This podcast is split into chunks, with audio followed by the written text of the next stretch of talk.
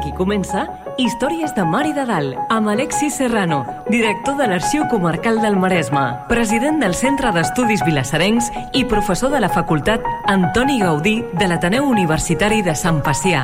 Un programa sobre el nostre passat, les històries, les tradicions, els personatges i el patrimoni de Vilassar de Mar. Una producció del Centre d'Estudis Vilassarencs en col·laboració amb Vilassar Ràdio i sota la coordinació de Núria Gómez. Lluís Domènech i Montaner fou un arquitecte, historiador, humanista, polític català, dissenyador de tipografies i enquadernacions de llibres i il·lustrador. Fou un dels principals protagonistes del modernisme català. Com a arquitecte es va avançar a les propostes arquitectòniques europees, amb un llenguatge innovador i una arquitectura fonamentada en un nou concepte integrador de totes les arts. Algunes de les seves obres són patrimoni de la humanitat – la seva vinculació familiar amb Canet de Mar el converteix en un dels personatges estrella de la nostra comarca, que han llegat un important patrimoni arquitectònic i han convertit la vila de Canet en una de les localitats amb un patrimoni modernista més ric i variat. Avui, a Històries de Mar i de Dalt, parlem de l'arquitecte i polític Lluís Domènech i Montaner.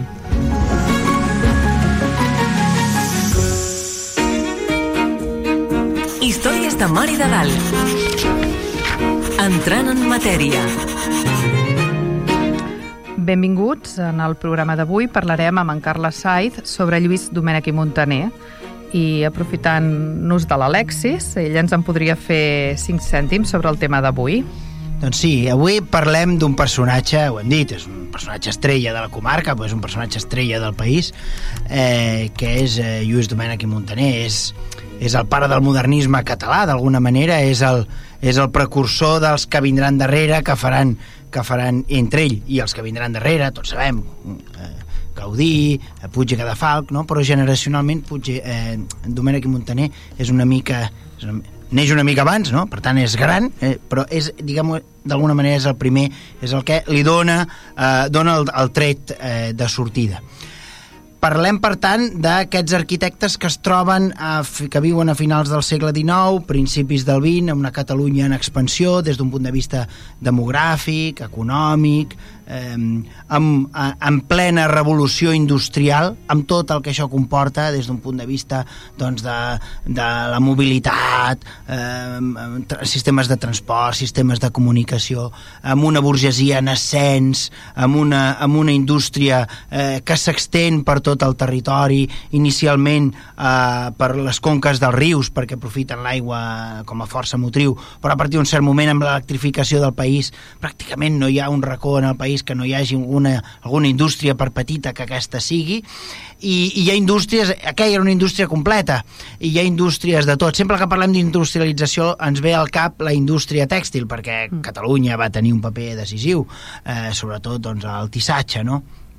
però és veritat que hi ha molt més, molt més enllà i, i en Lluís Domènech i Montaner d'alguna manera també en la seva persona encarna no només com a arquitecte sinó també encarna aquesta industrialització a casa seva, fabricants fabricants, doncs en podrem parlar fabricants d'unes eh, enquadernacions d'unes edicions eh, molt ricament il·lustrades i que d'alguna manera doncs, és el negoci familiar, no? no és una indústria tèxtil sinó que estem més aviat parlant d'una indústria doncs, llibretera una indústria llibretera que té molt de sentit en un context com aquell, no? La burgesia catalana està construint l'Eixample de Barcelona, els principals, aquests edificis són els principals i viuen les, les famílies propietàries, en aquests principals, doncs, eh, el propietari d'aquestes cases han de tenir uns bons, uns bons despatxos i aquests despatxos han d'estar mm, plens, corulls d'aquest tipus de llibre amb aquestes edicions eh, tan ricament il·lustrades i per això, per això és que quan has llegit la biografia de, de mm. Lluís Domènech i Montaner deies doncs, que també era il·lustrador de llibres no? perquè tot això convergeix en aquesta seva en aquesta seva persona un personatge estrella perquè se li van fer mm, mm, encàrrecs singularíssims com podria ser doncs, doncs, al Palau de la Música o, al, o, al, o a l'Hospital de la Santa Creu i de Sant Pau, que per tant són, mm, com deies, patrimoni de la humanitat, doncs parlem d'aquests edificis, no? És a dir, sense les aportacions de Domènec Montament i Montaner, difícilment eh, Barcelona tindria l'etiqueta de patrimoni de la humanitat amb el seu modernisme, no? I per la capacitat que té ell de, de, de, de, de dur a terme obres mm, doncs eh, se li, li cauen encàrrecs doncs, a molts indrets del país, també al Camp de Tarragona, etc etc. per tant diversifica eh, una mica tot arreu la seva producció i a casa nostra doncs, amb, la seva, amb la seva relació familiar amb Canet doncs podem dir que som una comarca privilegiada pel fet sobretot eh, tenint Canet com una de les grans estrelles en el firmament del modernisme català. Eh, per parlar-ne hem convidat a en Carles Saiz, que és la persona que jo crec que és una de les persones que més en sap i, i, i a vegades no n'hi no, no ha prou amb saber. A vegades és necessari saber-ho explicar. Jo crec que estem davant d'una de les persones que més bé sap explicar a un personatge tan polièdric com pot ser eh, Domènec i Montaner. I ara coneguem el nostre convidat d'avui. Mm -hmm. Històries de Mar i de Dalt. Coneguem el convidat. En Carles Saiz i Xiqués és llicenciat en Història per la Universitat de Barcelona, diploma en Estudi Avançat en Món Contemporani i màster en Museologia i Gestió de Museus per l'Audima. És professor d'Història i Patrimoni a la UNED de Barcelona i coordinador del Centre UNED de Canet de Mar. Des de 2013 és el president del Centre d'Estudis Lluís Domènech i Montaner. Recentment ha estat nomenat comissari de l'any Domènech a Canet i ha publicat una dotzena de llibres sobre l'arquitecte.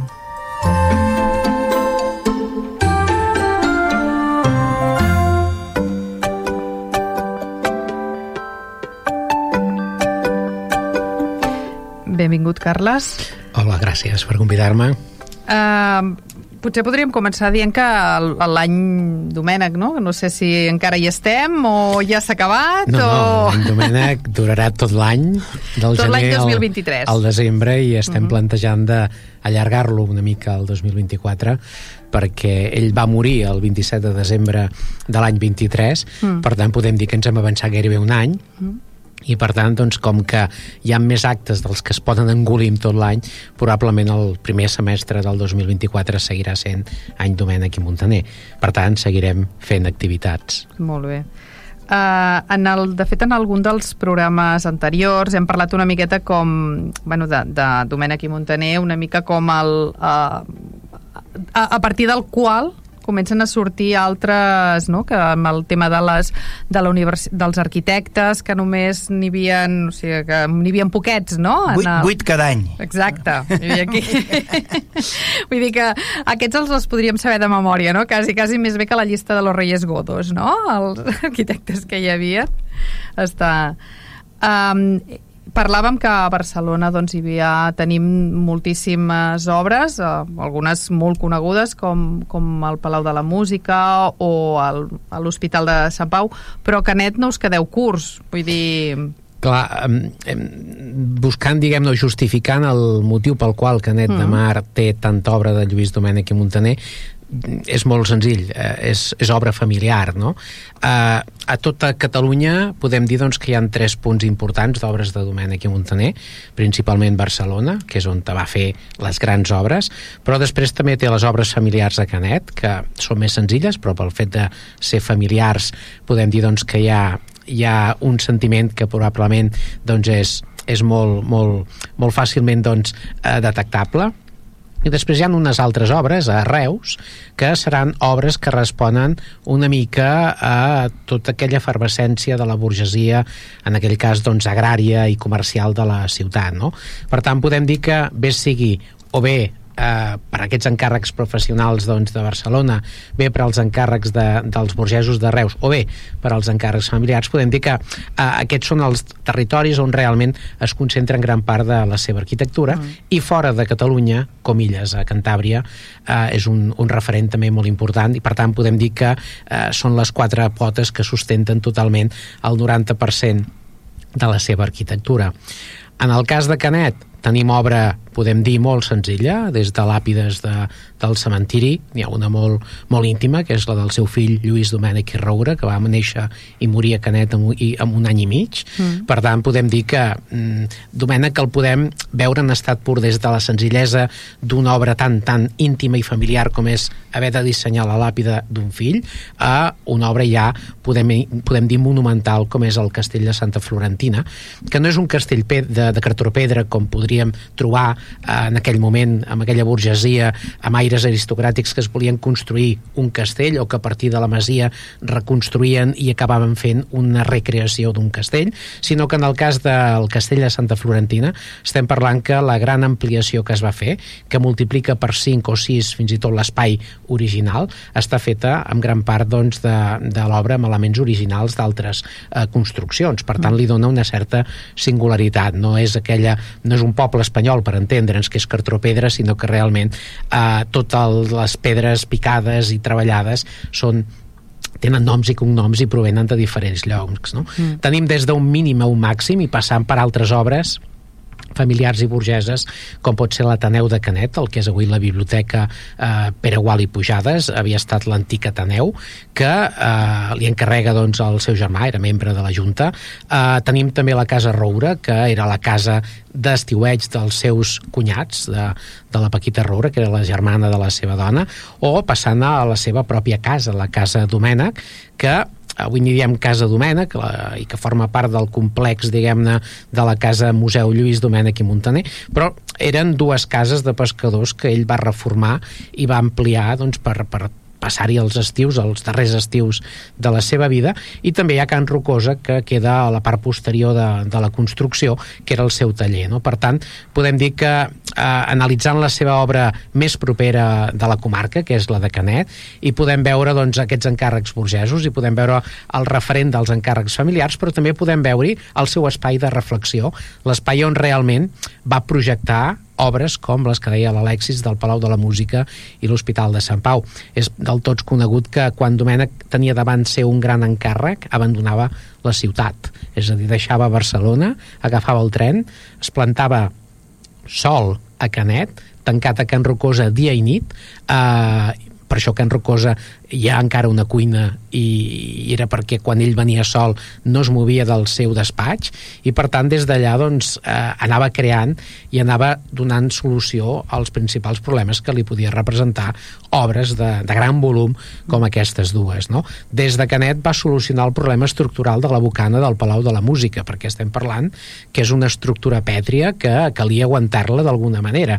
Nosaltres el que veiem és el resultat final, però al darrere hi ha moltes hores per trobar la solució tècnica, eh, ho va acabar fent amb unes grapes de ferro que per darrere subjecten tota la, tota la construcció perquè realment és un, un marc de pedra monumental. I eh, també des de Canet doncs, va fer tot el, tot el treball de, de, de la part diguem-ne de l'Hospital de Sant Pau. El de la Santa Creu ja va venir a posteriori.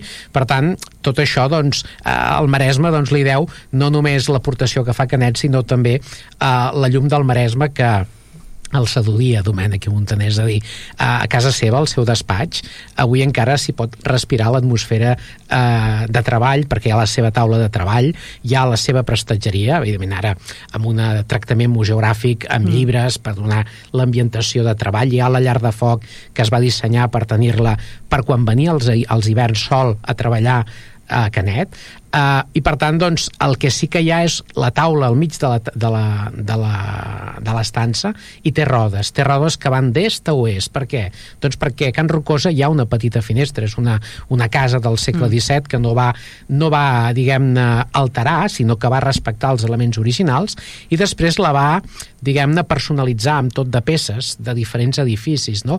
Can Rocosa hi era un museu molt abans de que l'any 91 l'Ajuntament de Canet adquirís i obrís la Casa Domènec com a museu, perquè ell mateix i va anar integrant totes aquestes peces. Doncs bé, hi col·loca dues rodes en la taula per poder orientar la taula i donar, diguem, i seguir la intensitat del sol quan entrava. Evidentment, al matí el sol incideix cap a la banda dreta del que ell eh, estava situat com a, com a, en el seu despatx i a mesura que va passar el dia el sol va corrent cap a l'altra banda mm. i la taula corria al mateix ritme o la mateixa rapidesa que el sol doncs, anava, anava avançant. No? Penso que Can Rocosa és el punt més més eh, real o el més autèntic avui, doncs, si vols entendre Domènec i Montaner cal situar-te en aquesta estança i estar una estona pensant com treballava i com devia fer eh, les seves activitats allà. Per tant, si algú volgués conèixer, de dir, vaig a introduir-me en, el, en el món de, de Domènec i Montaner, el primer que li diries és que anés a visitar Can Rocosa i a partir d'aquí després ja anem a veure totes les altres coses, no? És, seria el, el, el punt zero, el quilòmetre mm. zero de... Jo sempre dic, no? Si algun dia hem de fer la ruta Domènec Art Total, el punt zero d'aquesta ruta ha de sortir des del seu despatx, perquè és el que, el que té sentit. Mm. Uh, des d'allà projecte i, per tant, uh, totes les obres que avui podrem anar a visitar hi ha d'haver-hi un bocí d'aquesta atmosfera d'aquest despatx, mhm. -huh. perquè realment hi va passar molt de temps, no? Domènec treballava a Barcelona però projectava des de Canet, no?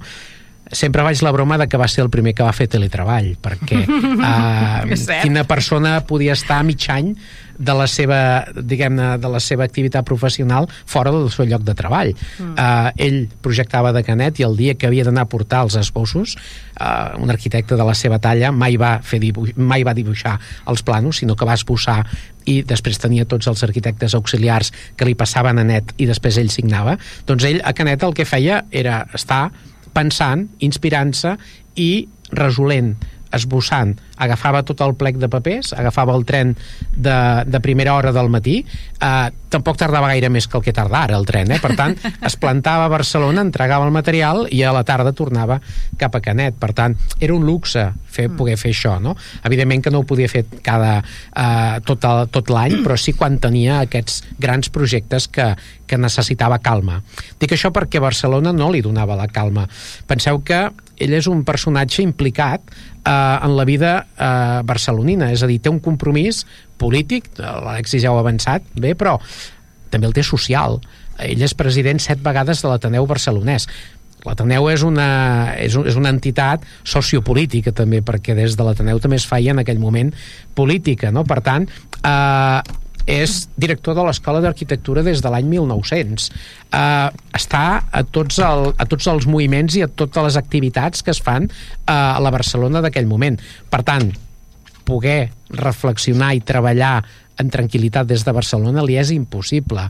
Per això abandona la ciutat quan li és necessari eh, centrar-se només en un projecte i a Canet, que al començament de segle seguia sent un poble de pagesos de pescadors i d'aquells primers industrials que després van fer por i van convertir Canet en un monstre, diguem-ne, del món del mitjó, eh, podem dir doncs, que era un espai on, on s'hi podia viure tranquil, on realment podia pensar i treballar quiet, que és com, com diu ell, eh, el que per ell és Canet. Té un text que diu eh, Canet és el raconet petit eh, des d'on puc treballar i pensar quiet. Per tant, la frase com a tal ja t'indica que quan ell eh, pensava en Canet era per anar a passar-hi, diguem-ne, l'estiu, però al mateix temps doncs, per anar carregant bateries a nivell de creativitat. Eh, parlem alguna d'alguna d'aquestes obres. Fem-ho no, no les podem anomenar totes, però comencem una mica pel principi. Els primers encàrrecs, el, el Domènec jove, diguem-ho així. Ell, ell, té tres, ell té tres etapes creatives i podem dir que ell, ell es llicencia al desembre de l'any 1873 a, a, a Madrid, eh, no a l'Escola de Barcelona, de, a la qual hi havia fet unes assignatures mentre es feia ciències exactes, físiques i naturals. Per tant, ell quan arriba a Madrid ell ja és matemàtic. Bueno, havia fet matemàtica, física i ciències naturals. Per tant, a Madrid ja va excel·lir en l'apartat del càlcul mental quan havia de calcular estructures eh, se'l rifaven els professors perquè realment podia acabar calculant més ràpid que els mateixos professors no? Eh, a través dels seus deixebles sabem que quan en Domènec acabava el càlcul el mestre li deia ajuda als companys perquè ja no sabien què fer-ne amb ell. Heu de pensar que una persona amb aquesta capacitat de càlcul més unes grans mans amb el, pel dibuix, és a dir, era era una persona doncs, que havia tingut doncs, una, una activitat familiar molt, molt molt artística. L'Alexis comentava, el seu pare va ser enquadernador, va ser enquadernador de llibres, però també de llibres de luxes. Va ser un dels proveïdors de llibres personalitzats de la Casa Reial. Per tant, estem parlant que els orígens de Domènec i Montaner és d'un personatge que neix dins del que seria la burgesia industrial d'aquell moment. Pierre Vilar en diu allò, són aquells que fan aquell formigueig del país, que porten la modernitat. És a dir, és una generació que transforma la ciutat de Barcelona, no només amb l'Eixample, que en són els promotors, sinó que realment transformen estèticament la ciutat i la doten econòmicament de recursos també, no? Per tant, Domènec neix en aquest context familiar. Els seus germans eh, tots tindran estudis universitaris, llevat de l'Anaclet, que era el gran, que és el que és cridat a portar o succeir el pare en el negoci familiar. Per tant, Domènec no té cap inconvenient que no succeeixi o, o que no, no es posin al taller i per això li deixen fer la carrera de Ciències Exactes, Físiques i Naturals. L'esperança del pare és que després vagi a treballar en el taller i que es posin al despatx i ell doncs eh, surt amb el ciri trencat de que vol continuar estudiant i eh, se'n va a Madrid. Primer fa un any d'enginyeria, no li agradava, sembla que era molt fred això de ser enginyer, i el següent any es matricula a l'Escola d'Arquitectura de San Fernando de Madrid. No? Era una escola que ja tenia una llarga trajectòria, de fet, a, través, a partir d'aquesta escola eh, es havia transformat el que seria doncs, el, el, la, el, l'Escola de Mestres d'Obres de Barcelona amb Escola d'Arquitectura, amb l'Elias Rogent, de director, però sembla que Domènec no li convenç, perquè de fet fa unes assignatures a, quan feia l'últim any de carrera de matemàtiques i no és fins al cap de dos anys quan decideix fer aquesta carrera a Madrid. Demana el trasllat de l'expedient i allà doncs farà doncs una, tindrà una trajectòria molt interessant. Fins al punt que els mateixos professors li demanen que es presenti a una beca pensionat que, que es havia proclamat la Primera República feia poc temps, havien creat una beca que es deia el Pensionat de Roma i que consistia en, bé, en una, en una estança de dos anys de, podem dir, seria com un màster d'aquell moment, on se li pagava un, una manutenció i anaven a l'acadèmia eh, de Roma, hem de pensar que Roma en aquell moment era a l'epicentre de l'art encara, i per tant, doncs, eh, aquell primer any feia doncs, una ampliació d'estudis de, allà. Hi havia la modalitat per escultors, per pintors i també per arquitectes, que era una, una, un, un element que per si doncs, era novedós. Ell fa l'oposició, fa el concurs oposició, guanya el primer, la primera part, guanya la segona part, i el desembre de l'any 73 arriba un telegrama que diuen que el seu pare ha mort. Tres mesos abans havia mort el seu germà Anaclet. Tot això us ho explico perquè els seus orígens professionals com a arquitecte queden escapçats completament mm. en el moment en què rep el títol d'arquitecte, perquè el rep ell volia voltar a Europa perquè realment la, la beca pensionat tenia un segon any que era eh, fer el gran Prix per Europa, és a dir, el gran viatge per Europa, eh, no només per eh, eh, tota la zona diguem, centre-europea, per admirar tot el que seria el gòtic germànic i, i francès, sinó també voltava per tota Itàlia i, per tant, doncs, tot això contribuïa que aquests professionals, recentment, diguem-ne, titulats, adquiressin doncs, coneixement i després revertissin la seva creativitat en obres per al govern de la República. Aquest era el, el, la proposta inicial, sabeu que el 74 això de la República ja va dir eh, s'ha acabat. Mm. El fet és que Domènec abandona eh, aquesta tercera prova i per tant podem dir doncs, que entra en un període complicat, que és posar-se al capdavant d'un negoci, que el taller Domènec no era pas un taller petit, sinó que tenia més de 60 treballadors i gent com Salvat o Espassa, que avui són noms d'enciclopèdies que ja no fem servir, però en aquell moment fan l'aprenentatge en el taller Domènec. L'Hermenegildo Miralles, que va ser un gran, diguem-ne, artista del món de l'edició, també fa l'aprenentatge en el taller. Per tant, no hi havia faves, però realment hi havia un gran interès per part de tots aquests professionals que volien eh, fer carrera en aquest món de l'enquadernació, doncs tots doncs, feien mèrits per poder entrar en el taller per fer l'aprenentatge. Domènec ja estarà uns quants anys eh, fent la gerència del taller.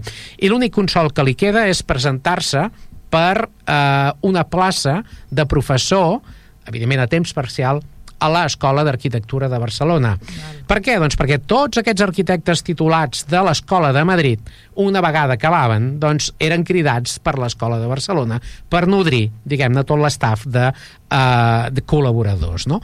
Hem de pensar que el sistema uh, universitari d'aquell moment era molt més precari del que és ara i, per tant, aquests uh, professionals han de combinar la docència amb altres activitats. Hi ha una anècdota que a Domènec li van dir, escolti'm, vostè ha de venir en frac per fer les classes, no? I això ja quan, era, quan ja era arquitecte i ell van dir que no li pagaven prou com per anar en frac, perquè després quan anava a fer el seguiment de l'obra anava escombrant tota la punxa del frac per tot el, això, no? És una anècdota però que realment demostra que, que ell va, va combinar sempre la docència amb l'activitat professional, sortosament, perquè si no, potser avui no parlaríem de Domènec i Montaner, no? La, la seva primera etapa, ell té tres etapes, i la primera etapa és tardana, no? Ell acaba l'any 73, però no és fins al 1878 que fa la primera obra tota l'etapa de l'any 78 fins pràcticament l'arribada de l'exposició universal del 88, podem dir que és una etapa eclèctica. Eclèctica per què? Doncs perquè, home, ell ha fet una formació molt acadèmica a Madrid, eh, els caps de setmana fins i tot organitzava sortides cap al sud, uh -huh. perquè realment allà el frapava tot l'art mudèjar, no? És a dir, eh, ell l'any 1878 farà un article que es diu En busca d'una arquitectura nacional. I eh, podríem parlar molt d'aquest article, però a més a més l'hem reflexionat molt perquè realment ell quan escriu a vegades és molt críptic no? o deixa molt obert els conceptes i per tant això doncs fa eh, generar múltiples interpretacions però realment fa una, fa una declaració de, de principis estilístics i mira, sintetitzant diu el sud és mudèjar és a dir, hi ha, hi ha un pòsit de la cultura àrab que, que és, és inassociable és a dir, que eh, tot el que hi haurà allà eh, l'hem de girar al voltant d'aquest estil no?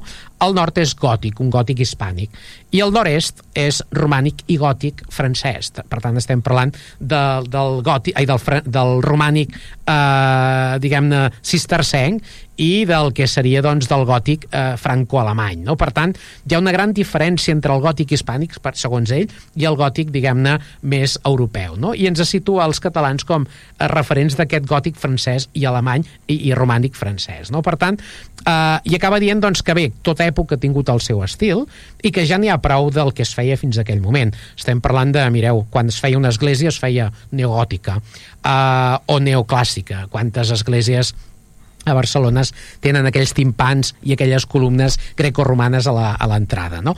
Quan es feia un cementiri, eh, tots els panteons havien de ser neogòtics o bé la moda d'aquell moment eren neogipsis també, no? El cementiri de Poble Nou tenia, diguem, té tot el portal d'entrada neogipsi, no? Per tant, cada, cada tipologia arquitectònica s'associava a un, a un referent estilístic del, del passat, no? Per tant, els neos aquests són, uh, són els estils historicistes, s'inspiren en el passat. Per tant, podem dir que des de feia dècades, uh, pràcticament des de l'arribada del Napoleó II a França, que es comença, uh, amb la ciutat imperial doncs es comença a promulgar el neogòtic, el, neo, eh, el neoclàssic i, per tant, Barcelona, eh, quan comença a fer l'Eixample, el comença a fer amb aquest estil historicista. De fet, la gran transformació de la Barcelona de començaments de segle XX es deu a que agafes un edifici historicista, raspalles la façana i li acabes fent una façana modernista, que era el que anava en aquell moment. Uh -huh. uh, la mateixa casa Lleó Morera del Domènec Montaneu és, però és que la casa a uh, Matller també i la, i, la, i la casa del costat de, del Gaudí igual. Per tant, estem parlant que hi ha un restyling d'aquestes façanes perquè el modernisme ha triomfat. Per tant, Domènec, aquesta primera etapa és una etapa d'experimentació. Els encàrrecs seran familiars. Què millor que tenir tiets i, i cosins que eh, tenen doncs, una, un gran estatus diguem-ne econòmic i li poden encarregar blocs de pisos sencers però estem parlant d'una obra molt senzilla una obra gairebé de, de batalla no? com la que es feia a l'Eixample blocs de pisos de rendes que un cop amortitzaven la inversió li encarregaven un altre bloc de pisos i mira, anar fent, anar fent. La seva pròpia mare a Barcelona té tres cases que es diuen Maria Montaner, perquè era una senyora doncs, que quan queda viuda eh, queda ben arreglada en quant a diners, però ella és conscient que si els diners no es fan créixer eh, eh, es disminueixen. Per tant, què va fer fent el fill? Fer-li fer uns quants blocs d'aquests que posaven a lloguer i per tant doncs, va ser una senyora que sempre va ser doncs, molt, molt autònoma i per tant no va dependre mai dels fills. Aquesta primera etapa té poca obra interessant. Sí que en té una, l'any 79, el seu oncle Ramon de Montaner, el que seria després el propietari del castell de Santa Florentina, li encarrega la seu editorial de la Montaner i Simón Editores. És un acte de fe. Penseu que en aquell moment, Domènec i Montaner, a part de fer blocs de pisos amb una decoració gairebé insignificant, l'únic que havia fet era un any abans una casa d'estiueig a la part alta de Gràcia, tocada al Parc Güell, eh, per al soci del Montaner, la Torre Simón. Per tant, podem dir que, home, perquè li és el, és el nebot i en el nebot l'ha d'ajudar, hem de pensar que eh, tenen una gran entesa el, el Ramon Montaner amb el Domènec i Montaner i eh, li encarrega la seu editorial. Una seu editorial que, quan mires el projecte, és un projecte amb un timpà, amb unes columnes a la part superior i un revestiment de pedra de Montjuïc que ben bé és una, un tractament molt clàssic. Sí que sí, comencen a intuir, per exemple, uns grans arcs eh, oberts a manera de porticat per deixar fluir la llum, o un recreixement de la planta baixa un metre d'alçada per fer uns grans, diguem-ne, unes grans finestres en la part baixa. Per tant, comencem a veure aquell concepte tan sagrat que té Domènec d'il·luminar els seus edificis amb llum natural. I comencem a veure aquella intencionalitat d'uns vidres de colors, però fets no encara en vitrall emplomat, sinó en fusta, és a dir, el marc de fusta eh, va generant unes rossasses, com les que també podem veure a l'Ateneu de Canet, són obres d'aquell mateix moment, però en definitiva és una composició molt clàssica, amb un badalot central eh, que sobresurt respecte als dos elements o les dues ales laterals, com també ho era la Torre Simón o la mateixa Ateneu de Canet. Si els que heu estat a Canet i heu vist l'Ateneu de Canet, té una façana principal amb una rossassa i un, i un, i un, i una mitja aigua a la part superior, moda clàssic, no? Per tant, és una obra que encara cal, cal fer-la evolucionar. La segona etapa arrenca justament amb l'exposició universal. Més ben dit, un any i mig abans cal començar a fer deures. Domènec té l'oportunitat de plasmar eh, amb grans projectes el seu pensament. Per tant, ell ha fet reflexió, ha anat, diguem-ne, perfilant un estil que el reverteix directament amb obres com, per exemple, el Gran Hotel Internacional, que estava en el moll de la fusta. Barcelona no tenia eh, prous places hoteleres com per eh, que a Barcelona hi acudís milers de persones i, entre d'altres, els grans representants dels països eh, europeus i també del món que venien a l'exposició universal. No? Per tant, li fan un encàrrec de fer un gran hotel amb capacitat per a mil persones, però no tenen l'espai per fer-lo. Per mm, tant, eh, comencen a plantejar la possibilitat de fer-lo a la sorra de la platja. I ell acaba inventant un sistema eh, reticular a partir de la connexió d'unes vies de tren que estaven preparades per portar cap a Cuba per eixamplar, diguem, de la xarxa ferroviària i eh, ensemblats entre ells acabava creant una graella, una graella de 150 metres d'amplada, que era l'amplada que tenia l'hotel, i evidentment ens quedaven uns quadrats no? com si fos un, un, un tauler d'escacs i acabava fent una volta catalana invertida per nosaltres la volta catalana seria doncs, en els sostres, doncs ell la inverteix amb la qual acaba generant una plataforma evidentment amb la volta catalana fent pressió per sota, de gran estabilitat, a partir de la qual, no s'hi podia fer fonaments a la sorra, acaba aixecant un hotel de 7 pisos i amb un temps rècord, 90 dies, perquè era el temps que tenia perquè s'inaugurés l'exposició. Evidentment era un hotel de quita i pont, és a dir, passada eh, l'exposició, al cap de 8 mesos es va començar a enderrocar, perquè a més a més estava fet amb terrenys cedits per al Ministeri de Marina i malgrat sigui una cosa provisional, ell eh, amb aquesta obra es fa gran, no? és a dir, eh, passa a ser d'un jove arquitecte a un arquitecte reconegut. En primer lloc perquè el morbo que representa per la premsa satírica barcelonina eh, dir si aquest hotel caurà o no caurà perquè cada dia és més alt i hem vist que no ha fet res de fonaments i està a tocar del mar, per tant en qualsevol temporal també podia generar doncs, una certa inestabilitat de sorra, doncs tot això, tot això podem dir doncs, que li va donar nom, fama. Fins i tot diaris americans van acabar dient que eh, els catalans eren els yanquis d'Europa. En aquell moment els més bons constructors eren els americans, amb els rascacels. Per tant, podem dir que això és el que li dona el salt de trampolí. Uh, la premsa de Madrid és molt curiosa. Uh, abans de l'any 87 parla del joven arquitecto català. Un any després, home, ja ho sé que té un any més, però ja no parlen del joven, parlen del reputado arquitecto. Per tant, aquest punt és el punt de trampolí que dels encàrrecs familiars de la primera etapa passem als encàrrecs ja professionals. I estem parlant de totes les obres que farà Comilla, per encàrrec del marquès de Comilles. Estem parlant ja d'obres importants com la Casa Thomas de, de Barcelona, que en primer lloc és un referent important, al carrer Mallorca, és un, una casa eh, de doble amplada eh, a la dreta de l'Eixample que combina a la part baixa, això una cosa molt catalana, el negoci, era un impressor de llibres, ai, de, de, era un impressor d'imatges, no? de, de liografia, i en el pis de dalt el seu el seu, el seu pis, no? un pis de 500 metres. No? Estem parlant doncs, de que eh, aquesta combinatòria de la tan típic de la casa i l'hortet catalana, en aquest cas del taller i del, i del, i no del el piset, pis, eh? Perquè del, del pisot, metres del pisot, no? Piset, eh? Uh, és, és un, un model molt interessant que després el anirà repetint. El repetirà, per exemple, a la Casa Navàs de Reus, on uh, hi ha la botiga de, del senyor Navàs que venia roba i el pis a dalt, o la del notari Rull a Reus, totes les obres que anirà fent per la burgesia, podem dir que serà una obra doble no? de, la, del negoci amb el pis a dalt. No? Uh, D'aquesta època també uh, en sortiran, per exemple, obres com el Castell de, de Santa Florentina i tantes altres obres interessants que ja ens fa veure el Domènec mm, ple, no? Ara bé, les grans obres són de la tercera etapa l'etapa que comença al 1900, no?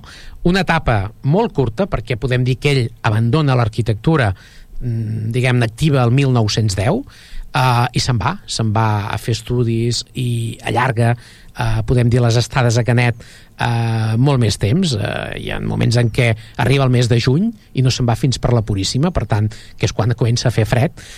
per tant, podem dir que aquesta etapa, tot i que és curta, de 10 anys, és la més intensa. Podem dir que tot el bagatge assolit en les dues etapes anteriors acaba doncs, revertint amb l'etapa burgesa floral, on hi haurà obres importants com és la Casa Navàs, la Casa Lleó Morera o el Palau de la Música i l'Hospital de Sant Pau. A mi m'agrada dir aquí al final. I la Casa Domènec, perquè podem dir que la seva casa és molt tardana, és de 1918, i podem dir que eh, hi ha el, tot el, tota l'experiència de totes les grans obres que ha anat eh, amassant i anat projectant al llarg de tots aquests anys. No? Tota l'experiència i alguns materials. També, també. Jo sempre dic que el, el Domènec estava tocat del síndrome de Diògenes, però amb un cert luxe, no? És a dir, no s'agafava qualsevol llauna, sinó que, per exemple, a casa seva hi ha molts dels guixos originals d'Eusebi Arnau que eh, havia fet com a prototip d'obres com, per exemple, a l'interior de la casa Lleó Morera. No és casualitat que a Can Rocosa, que la reforma entre l'any 4 i l'any 6, tot el que hi ha dins integrat a les parets, a l'escala i en els marcs de les portes, tot provingui d'aquelles obres tan importants. Per exemple, a Can Rocosa hi han ceràmiques del Palau de la Música. A Can Rocosa hi han tots els guixos d'Eusebi Arnau del passadís del pis principal de la Lleó Morera i clar, jo sempre m'agrada, diguem-ne, posar en valor que el que hi ha a Can Rocosa és el guix original. És allò que l'escultor va modelar amb les seves pròpies mans i quan va completar el, el prototipus o el projecte, el van ensenyar en l'arquitecte i en el client, que el client és molt important en aquest sentit, i quan va donar el vistiplau, allò es va industrialitzar picant-ho, és a dir, es va traspassar la pedra. Però això ja no ho fa l'escultor. L'escultor amb el modernisme no esculpeix, modela, eh, deixa de picar. Per què? Perquè no té temps. I es creen tallers d'escultura, que mm. aquests sí que els picapedrers esculpeixen. El que hi ha Canet i el que Domènec agafa són les proves de guix de diferents obres, de les de l'Hospital de Sant Pau, les de la Casa Lleó Morera i tantes altres, com per exemple les de Comilles. A Can Domènec, en el menjador, hi ha una llar de foc, també, hi ha l'escut pontifici del Seminari de Comilles eh, fet per Eusebi Arnau, per exemple, els evangelistes de l'Hospital de Sant Pau de Pau, Pau Gargallo estan també a la Casa Domènec, no? Per això us deia que és un museu ja a l'època en què hi vivia Domènec i Montaner.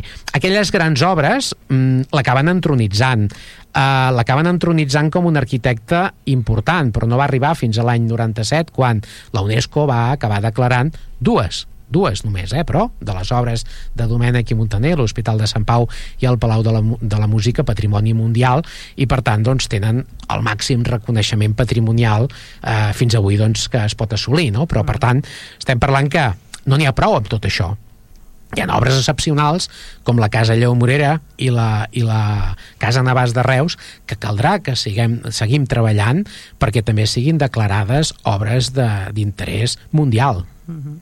Abans comentaves que quilòmetre zero, o sigui, on devíem de començar era a Can Rocosa, si haguéssim de continuar, hem de continuar per Canet? O ens n'hem d'anar, o sigui... Home, ja que som a Canet, podem dir que es pot fer sí, un sí. tom per les diferents obres, uh, aquesta obra més, podem dir, més familiar i després ja fer el salt a Barcelona. Mm. Barcelona et dona una gran possibilitat. El que té en relació Canet amb Barcelona és que tant un lloc com l'altre tenen obres de les tres etapes creatives. Per tant, vol dir que la presència de Domènec als dos llocs és constant a, a Canet perquè des de petit que anava amb pantaló curt ja caminava pel poble i això fa doncs, que amb els anys li vagin encarregant obra a la seva família i en el cas de Barcelona perquè evidentment el potencial de clients que tenia la ciutat doncs evidentment doncs, eh, comporta que des de molt jove doncs, comenci a projectar mm. I de Barcelona es pot saltar Reus perfectament, perquè Reus, si bé és cert que no té obra primerenca, arriba a Reus l'any 97 per un projecte molt interessant que és fer un psiquiàtric perquè inspirat amb la nova psiquiatria europea. Igual que Barcelona va fer una gran transformació en el món de la medicina catalana, on es van introduir doncs, conceptes com l'higienisme i que Domènec va secundar. Les obres de Domènec tenen finestres més grans o més petites, no per una qüestió estètica, sinó per una qüestió funcional. I si mireu una obra de Domènec i Montaner, veureu que en plantes baixes farà uns grans lluernaris, moltes vegades a manera d'arquejats, perquè la llum flueixi cap a les plantes baixes, sempre molt fosques, i ell aconsegueix no només dotar de llum a les plantes baixes, sinó que fa aixecar els seus edificis un metre per fer, diguem-ne, uns, uns solàriums o uns lluernaris que fins i tot il·luminin en llum natural als semisoterranis.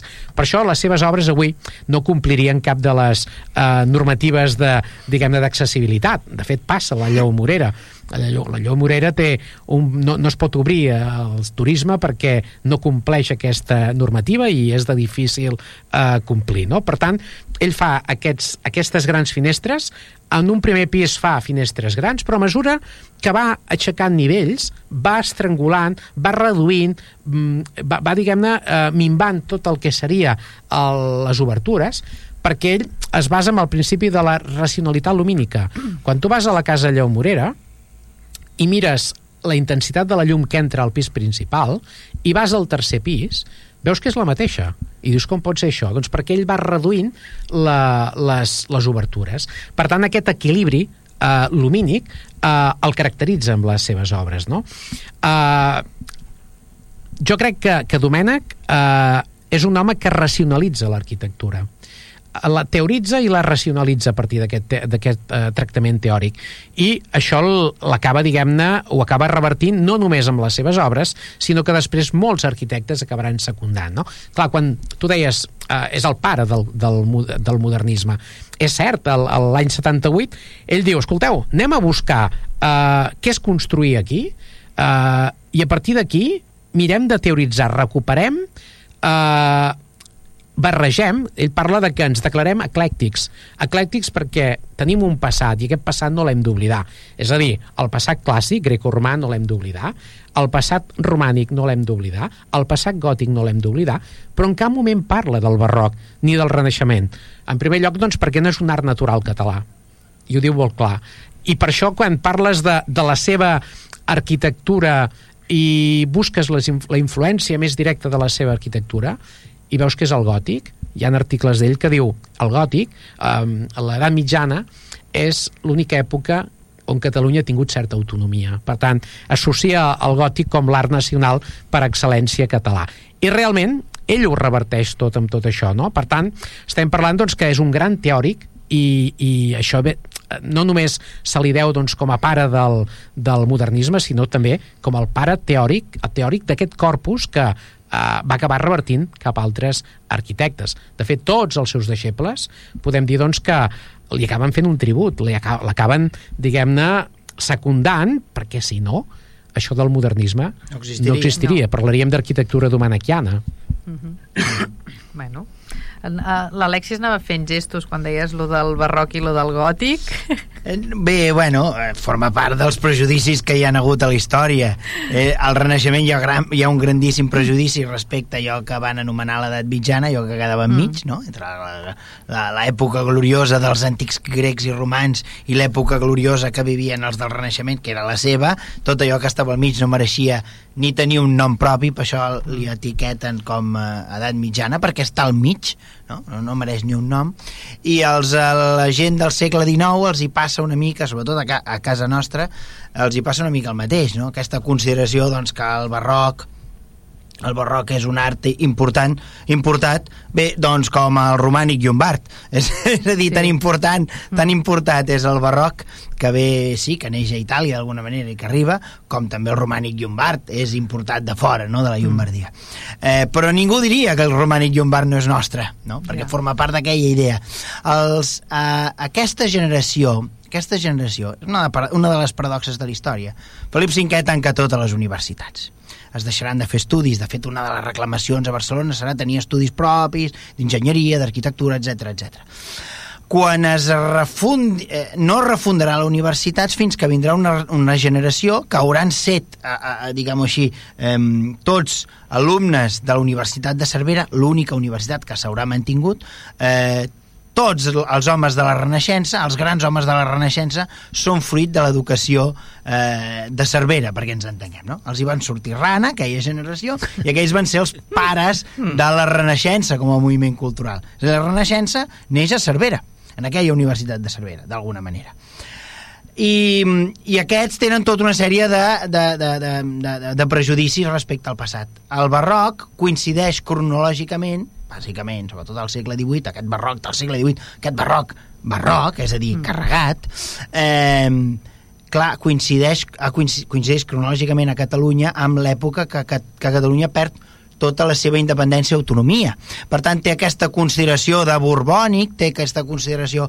I, per tant, els homes de la Renaixença que busquen en el passat aquell moment on Catalunya ha tingut un pes i de seguida van a trobar a, a Ramon Montaner a les quatre, al Som i Serem, a les quatre barres, a, a aquella època gloriosa de l'edat mitjana, que la historiografia romàntica, que apareixerà a partir d'aquest moment, doncs anirà cada vegada convertint en en, en menys història i més mite, segurament. Mm. però forma part d'aquest context. I, òbviament, Domènec i Montaner no podia mirar el món d'una altra manera. Per tant, el gran moment que, que, els, que aquests historiadors busquen, li passa també a, a Puig i Cadafalc. Puig i Cadafalc estudia molt eh, l'art medieval, doncs també perquè què desitja, què proposa en l'Estatut que proposa Madrid, un estatut amb el qual a Madrid es netejaran eh, les parts posteriors, però, però proposa què? Proposa una autonomia, no?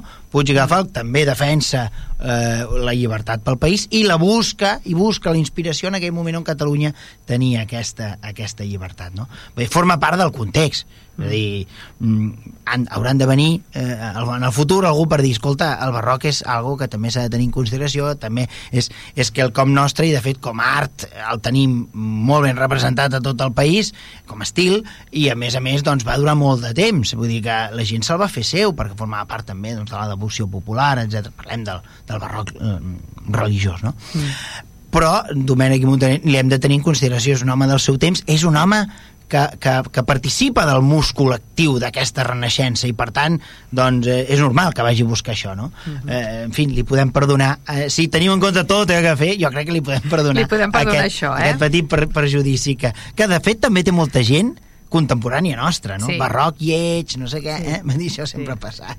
De fet, en els seus dietaris, eh, quan descriu quan fa viatges i excursions per Catalunya, eh, i quan es troba a l'església romànica fa la descripció i acaba dient té un altar barroc i no en diu res més, és a dir, com menys té, no? Fins i tot, ja, quan, quan ell arriba per primera vegada a Sant Climent de Taüll, avui icona del romànic català, català, Sí, Veus? Diem romànic català, ah. perquè és propi, diguem, és, és identitari, no? Llavors, eh, descriu les pintures i acaba dient, bueno, els frescos, i acaba dient, i estan tapats per un altar eh, em sembla que era renaixentista, és a dir, que es veu la cara de, del Cris de Majestat eh, traient el cap entremig d'uns pinaclets eh, que l'havien tapat, no? Per tant, eh, ell no només és el pare del modernisme, sinó que abans us deia allò, és el pare teòric i per tant com a pare teòric va buscar aquestes arrels que per ell són les pròpies i les estudia, no?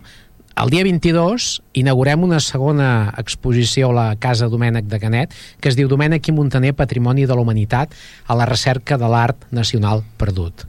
El títol és molt escaient perquè el que fem és analitzar tots els estudis que fa Domènec i Montaner.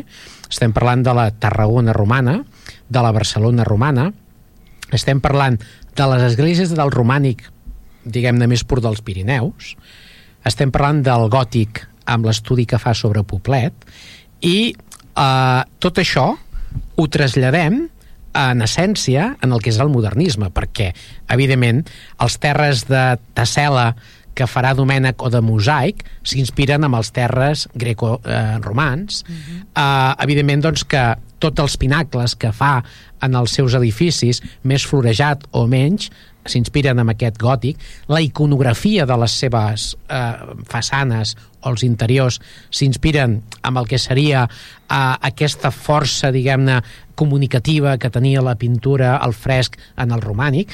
Si mirem una façana d'un edifici de Domènec i Montaner, és com un llibre obert, no? perquè ens transmet una informació, els seus orígens editorials també devien influir molt en aquest sentit. No? I fins i tot ho veiem a nivell de les tècniques, no? Quan mirem un llibre eh, d'aquells de l'estaticisme de l'època del pare de Domènec, veiem aquells gofrats daurats eh, i veiem, doncs, eh, fins i tot una sèrie de, de tècniques com és eh, imprimir la tela, després fer el gofrat daurat i després, si a més a més volem fer-lo més luxós, agafes i imprimeixes un, un, una, una il·lustració, la retallen i l'enganxen a sobre. I a més a més és, és una obra d'art com a tal, no? Doncs tot això Domènec ho trasllada a les façanes. Ell se'n va a Manises amb l'Antoni Gaudí com a deixeble el 1887 i encara troba un artesà que cuia gerros amb la tècnica àrab, que era de reflex metàl·lic. Avui la ceràmica, tots coneixem la ceràmica vidriada, però la ceràmica de reflex metàl·lic és vidriada igual, però és platejada, és daurada o és d'un color bronze. I això doncs ho feien els àrabs. De fet, en el Museu del Disseny de Barcelona n'hi ha molta d'aquesta ceràmica recollida. Ell utilitzarà aquella ceràmica o aquella tècnica per acabar fent mm, ceràmica que col·locaran als seus edificis, per tant, aquells daurats que tant cridaven l'atenció en els llibres, després els veurem que criden l'atenció en les seves obres i a les seves façanes. No? El Palau Montaner té reflex metàl·lic en tot l'espai perimetral, a la Casa Thomas també, i fins i tot la, la casa, la fàbrica Pujol i Bausis d'Esplugues de Llobregat acaba aprenent a fer aquesta tècnica i ho acaba comercialitzant, és a dir, podem veure eh, obra modernista eh, que no és ni d'autor, d'un mestre de cases, mm. que hi veiem una ceramiqueta que corona la part superior i dius, coi, és reflex metàl·lic. És a dir, tot això també li devem a Domènec, no? És a dir, aquesta nova estètica que transforma la ciutat i que després els altres arquitectes ho secunden, doncs també també li devem, no? Sempre amb un rerefons com és aquests estudis, no? Eh, tenim un amic, l'arxiver de l'Hospital de Sant Pau, sempre ens diu, amb Domènec tot té un per què. Eh, ell té una obra allà que no s'acabarà mai d'estudiar, però qualsevol obra de Domènec i Montaner quan et qüestiones per què ho fa d'aquella manera i no trobes el, o no trobes el per què, a la llarga l'acabes trobant, perquè realment ho fa tot d'una manera molt meditada i buscant la funcionalitat màxima en les seves decisions. Home, de fet has dit que era matemàtic, no? Vull dir que suposo que mentalment devia ser una persona quadradeta. Sí, Llavors... però era com dirien els, andalusos, els andalusos de corazón partió, perquè de cop i volta el trobes fred i calculador, sí. però al mateix temps el trobes secundant a uh, l'organització dels Jocs Florals, o com deies tu, doncs, amb la Renaixença. Ell és membre de la Jove Catalunya, que se'n van uh, pel món per visitar les ermites en ruïnes, és a dir, amb aquell romanticisme que caracteritza aquella època, però la gran diferència entre ells i tots els que l'envolten és que ell és analític Mm. I, per tant, quan Víctor Balaguer es posa davant d'una d'aquestes runes et farà un text de oh, Catalunya, que, que maca eres i com estàs, no? I en canvi Domènec agafa i et diu, té aquesta planta, té, està feta amb, amb pedra de tal lloc, tu analitza, et farà la planta, ell farà un excursionisme no romàntic, sinó que farà un excursionisme científic. I això, això eh, te n'adones que és molt diferent de tots aquells que l'envoltaven, no? Uh -huh. Perquè realment és un home pràctic. I després utilitza tot això per acabar, diguem-ne, generant mostres. Eh, deies, és matemàtic, era matemàtic, era físic, per tant, això li servia molt mm. per l'arquitectura, però també havia fet ciències eh, naturals. Per tant, mm. tot el món de, eh, la, de, de la botànica, tot el món de, dels animals també el tenia molt present. Per tant, mm. les seves obres també tenen una gran, diguem-ne, estètica del món de les flors on hi ha un simbolisme molt important al darrere, allò la flor, la rosa blanca simbolitza l'ànima, el girassol simbolitza la riquesa, és a dir, hi ha tot un llenguatge eh, simbòlic al darrere de les obres de Domènec i Montaner que moltes vegades no, no transcendeix, però que tot, tot té un per què, és a dir, no hi ha una margarida o hi ha una flor de cascall allà perquè sí, sinó perquè realment ens vol transmetre una informació, no? És a dir, és una arquitectura parlant la seva, la seva obra i, i hi ha aquesta variant doncs, eh, feta a partir del simbolisme de les flors i també recupera tot aquell bestiari medieval medieval, òbviament, eh, on hi ha els grius, els aus fènics, amb tota una sèrie de connotacions també simbòliques, però també amb un rerefons de reivindicació de la pàtria. Mireu, l'arquitectura, els seus estudis intel·lectuals, ja siguin analitzant el patrimoni o fent una història de Catalunya d'algun episodi de la història de Catalunya o fent la història general de l'arte, que és la primera història que edita la Montaner Simón, on al, al costat de la catedral de Notre Dame hi haurà Santa Maria del Mar, perquè són dues obres d'aquell mateix moment. És a dir, posa en valor el patrimoni català amb una història de general de l'art. No? I això és la primera, i és inqüestionable que hi ha un, és molt capciós en aquest sentit. Vol situar l'art català al costat de l'art europeu. No? Doncs tot això reverteix únicament a excel·lir el que seria la pàtria, el país. És a dir, ell vol que Catalunya torni a ser alguna cosa i ho farà a través d'una nova arquitectura, dotarà el país d'un. El modernisme és l'art nouveau català. Per tant, un art que ens posa en relació amb altres estils europeus moderns. Espanya no ho va fer, això ho va fer Catalunya mm. i va mirar cap allà. Penseu que el 98 Espanya plorava com madalenes que havien perdut les colònies. I els industrials d'aquí què feien? miren cap a Europa perquè busquen allà nous clients. L'Oda de, de Maragall ho diu molt clar. Per tant, Domènec mira Europa com un referent. Ja ho mira amb els seus estudis teòrics, però també de manera pràctica. Al mateix temps que aquí estem fent modernisme, a Brussel·les estan fent l'Art Nouveau. Aquest mm. any és art, any d'Art Nouveau a Brussel·les, també. Eh? Uh, per tant, Domènec és un gran teòric que el que fa és portar la modernitat a Catalunya. Dèiem, amb un estil propi, amb una recuperació de la història, del patrimoni eh, del país, però al mateix temps també amb una ideologia, que és el catalanisme. Mm. És el pare del modernisme, però també és el pare del catalanisme a ell li devem les bases de Manresa, li devem el cost teòric, el punt d'arrencada, com són aquelles bases, i després va ser un dels primers diputats catalanistes de la Lliga Regionalista a Madrid.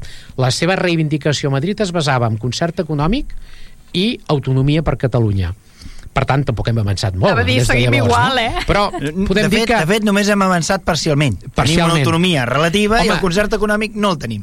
Si compares les bases de Manresa amb qualsevol dels tres estatuts retallats o per retallar, aquell text li dona li dona mil voltes. Estava parlant de uh, jutges catalans, uh, exèrcit català, moneda catalana, aquí tenim molta feina a fer encara, eh? Sí, sí. Per tant, home, allò era una carta als Reis, no? Després saps que a vegades la cosa uh, arriba com arriba, no? A vegades els Reis uh, no surten del no, Palacio d'Oriente. També passa això. O, o per exemple, uh, també uh, reivindicacions com pot ser el Memorial de Greuges del 88, el del 98, uh, Domènec està a totes les mogudes. Uh, la història del catalanisme és mm. paral·lela a la biografia política de Domènec i Montaner ell comença a militar, encara que sigui el catalanisme eh, cultural dels Jocs Florals, a l'any 68, mm. i no deixa de militar fins al 1914. Estem parlant de més de 40 anys de compromís amb Catalunya. No només d'acció política, sinó amb tot el que hem explicat fins avui. Ens sap greu, però ho hem de deixar aquí. Moltíssimes gràcies, Carles. A vosaltres per convidar-me.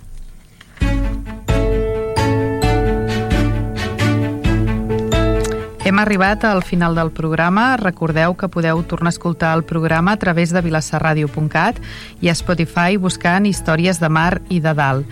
També us podeu subscriure al canal de Spotify per rebre el programa cada setmana. Adeu i fins al proper programa. Històries de Mar i de Dalt, un programa sobre el nostre passat, les històries, les tradicions, els personatges i el patrimoni de Vilassar de Mar. Una producció del Centre d'Estudis Vilassarencs en col·laboració amb Vilassar Ràdio i sota la coordinació de Núria Gómez.